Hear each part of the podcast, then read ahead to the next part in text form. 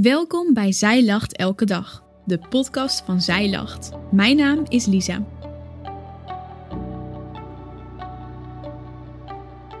Dit is de overdenking van 4 juni door Maartje Kok. We waren erover uit dat we weinig in de Bijbel lazen. Het was te lastig om ons erop te focussen. Onze uiteindelijke conclusie was dat het ons ontbrak aan verlangen naar God. Het was een gesprek wat al eerder gevoerd was tijdens een Bijbelstudie en een gesprek wat telkens weer terugkwam. Telkens waren we verslagen door onze eigen conclusies. Wilden we deze God werkelijk leren kennen door zijn woorden te lezen en in gesprek met hem te zijn? We wilden zo graag hem dienen met ons hele hart, ziel en verstand, maar we leken een gebrek te hebben aan een verlangen naar God. Wat nu? Laat ik het maar een probleem noemen. In de psalmen zien we veel verlangens naar God die worden uitgesproken. Maar we erkennen te vaak dat het ons aan verlangen naar God ontbreekt. Hoe komt dat en wat moeten we ermee? Psalm 63 is een psalm die mij jaloers maakt. David is in de woestijn van Juda en roept het uit naar zijn schepper. O God, u bent mijn God. U zoek ik vroeg in de morgen. Mijn ziel dorst naar u, mijn lichaam verlangt naar u in een land, door en dorstig, zonder water. Psalm 63, vers 2. Wat bij mij vaak gebeurt, is dat ik dat verlangen uitblus. Hoe? Ik word wakker met een verlangen naar God, maar in plaats van dat ik dat verlangen verzadig met zijn woorden, grijp ik naar mijn mobiel.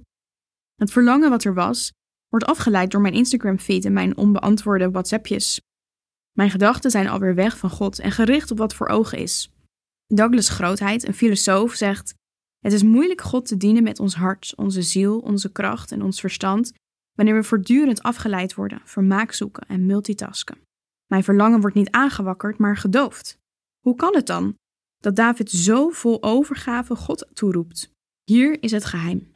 Zo heb ik u in het heiligdom aanschouwd, uw macht en uw heerlijkheid gezien, staat in Psalm 63, vers 3. Hij heeft de macht en heerlijkheid van God gezien in de tempel. Hij was overweldigd door wie God is en hij weet wie God is. Zijn verlangen is dus een reactie op wat hij van God heeft gezien. De vraag die bij mij dan naar boven rijst is: ben ik me wel bewust van hoe goed God is? Het gevaar is dat we schieten in moralistisch gedrag.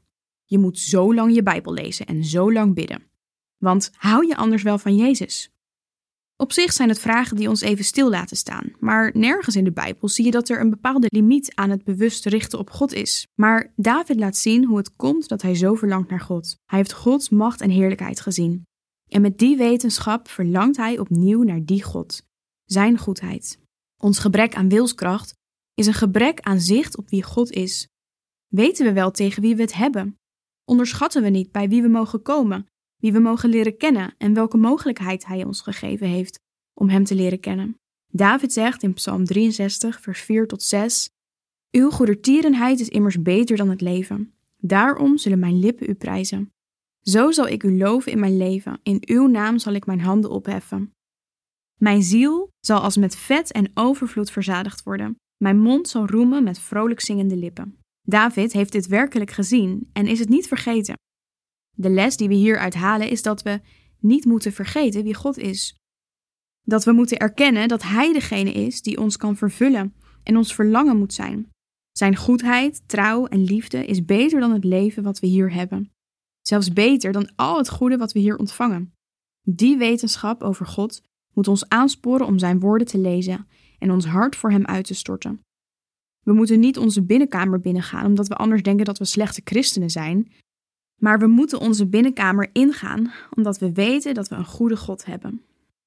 Als we onze ogen afkeren van wat we zien en ons in herinnering roepen wie deze God is, moeten we onszelf aansporen om naar Hem toe te gaan. Zoals David God heeft gezien in het heiligdom, zo mogen wij Hem leren kennen in de stilte van de natuur, de slaapkamer of een andere plek. David zegt aan het eind van vers 6 dat hij verzadigd is door deze wetenschap. De reactie daarop is zingen. Zijn leven is een loflied voor God. Met hart, ziel en verstand prijst hij zijn maker. Dat is waar ik naar verlang. En Psalm 63 lijkt als het ware drie tips te bezitten die mij aansporen om hem zo te loven in mijn leven. 1. Zie in de woorden van God wie hij is. 2. Besef elke dag dat zijn goedertierenheid, liefde en trouw beter is dan dit leven. En 3. Leef vanuit die wetenschap dat je leven een loflied is op wie God is. Ik wil je aansporen. Leer je God kennen.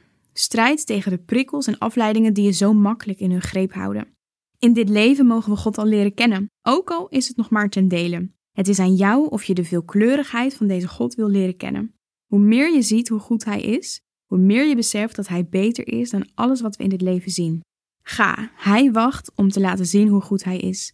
Voel je dat altijd? Nee. Is het een altijd succeservaring? Nee.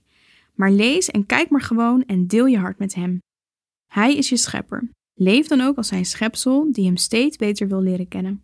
Ik zie er naar uit om vrouwen te zien die met alles wat in hen is te beleiden dat Hij beter is dan dit leven. En nee, dat is niet onmogelijk. Kijk maar naar Psalm 63. Dankjewel dat je hebt geluisterd naar de overdenking van vandaag. Wil je de overdenking nog eens nalezen? Check dan onze website. Je vindt daar ook nog meer toffe dingen die jou helpen om de Bijbel vaker te openen, zoals boeken, Bijbels, cursussen en evenementen. Morgen ben ik weer bij je terug met een nieuwe overdenking. Tot dan!